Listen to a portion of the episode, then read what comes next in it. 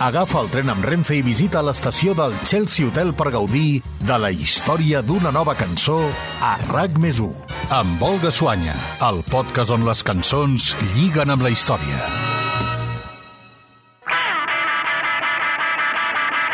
When I get to the bottom, I go back to the top of the slide.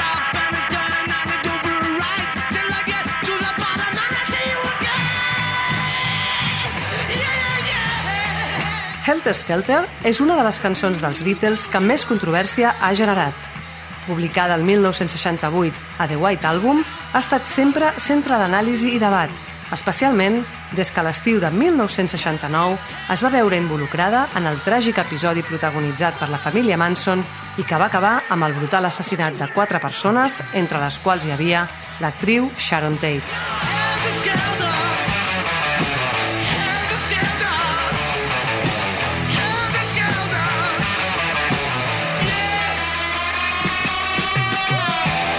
Segons Paul McCartney, la inspiració per escriure-la li va venir quan el 1967 va llegir un article a la premsa sobre The Who, on el líder de la banda, Pete Townshend, afirmava que acabaven d'enregistrar el tema més esbojarrat i estrident que havien fet fins llavors.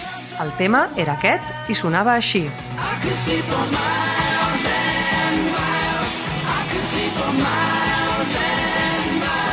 McCartney reconeix que en aquell moment no l'havia escoltada encara, però que l'afirmació de Townshend el va esperonar a proposar a la resta de la banda de fer un tema que superés amb escreix tots aquells atributs que referenciaven el tema de The Who. Els Beatles llavors estaven en plena gravació del seu White Album, així que sobre les primeres notes i versos escrits per McCartney i després d'unes quantes sessions i arranjaments d'estudi van tancar el que s'acabaria convertint en Helter Skelter.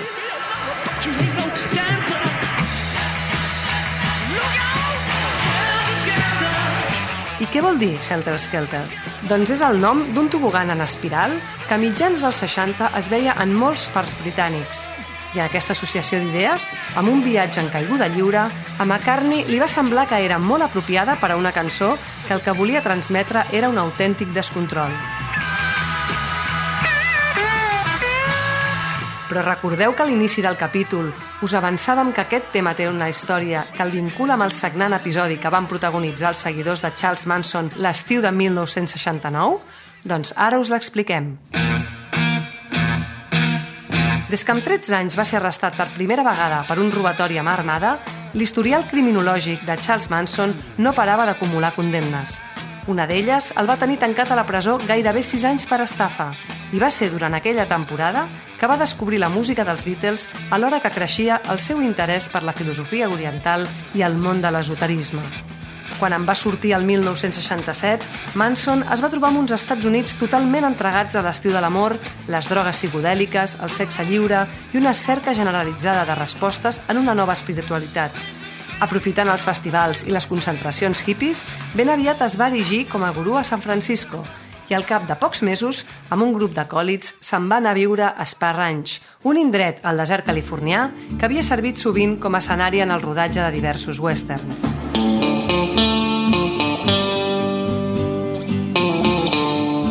Instal·lats en aquest ranxo, la família Manson, que així és com es feien anomenar, van submergir-se en la visió del món creada pel seu líder, el qual estava convençut que s'acostava una gran rebel·lió mundial fruit de les tensions racials del moment i que acabaria, inevitablement, amb un apocalipsi imminent.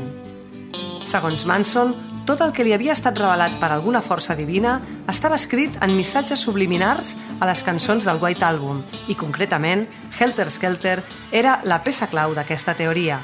Les reverberacions i els sons incongruents que acompanyaven la música al llarg del tema i les frases sense lògica que formaven els seus versos van ser el combustible ideal per acabar d'encendre el seu deliri i va acabar convençut que el quartet de Liverpool eren els quatre genets de l'apocalipsi decidits a exterminar tothom. A but you. Però el Helter Skelter predit per Manson semblava que no arribava tan de pressa com esperava, així que va mirar d'accelerar-lo una mica enviant quatre membres de la secta a assassinar rics i famosos amb l'objectiu de culpar els Panteres Negres i iniciar així la guerra racial que havia de desencadenar al principi de la fi. La data triada per iniciar aquella ràtzia de crims malaltissos va ser el 8 d'agost, i les víctimes, les persones que aquell vespre eren a la casa que el cineasta Roman Polanski i la seva dona, l'actriu Sharon Tate, tenien llogada a Beverly Hills. Les instruccions de Manson van ser clares, entrar a la casa i destrossar de la manera més truculenta tots els presents. El resultat, quatre víctimes mortals brutalment assassinades a cops de peu, trets i ganivetades. Jay Sebring, que era un reconegut perruquer de Hollywood, el guionista polonès Wojtek Frykowski, Abigail Folger, hereva d'una empresa cafetera, i Sharon Tate, actriu i dona de Roman Polanski, que estava embarassada de 8 mesos. Els cossos inerts i perforats de les quatre víctimes els va trobar l'endemà al matí la majordoma dels Polanski en un escenari desolador i on escrit a la nevera amb sang es podia llegir Helter Skelter. Amb les presses, els assassins van cometre una errada ortogràfica que feia que el missatge no coincidís exactament amb el títol de la cançó dels Beatles, però malgrat això, la referència era evident.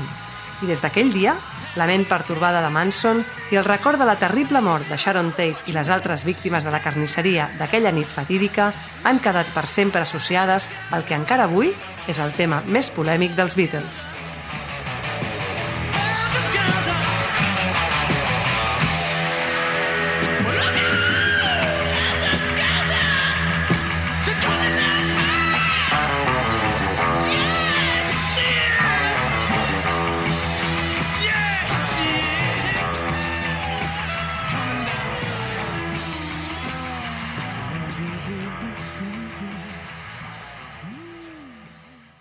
El tren de Renfe, amb parada a Chelsea Hotel, reprendrà el seu viatge i tornarà dissabte que ve amb noves cançons a RAC més 1, amb Olga Suanya, el podcast on les cançons lliguen amb la història.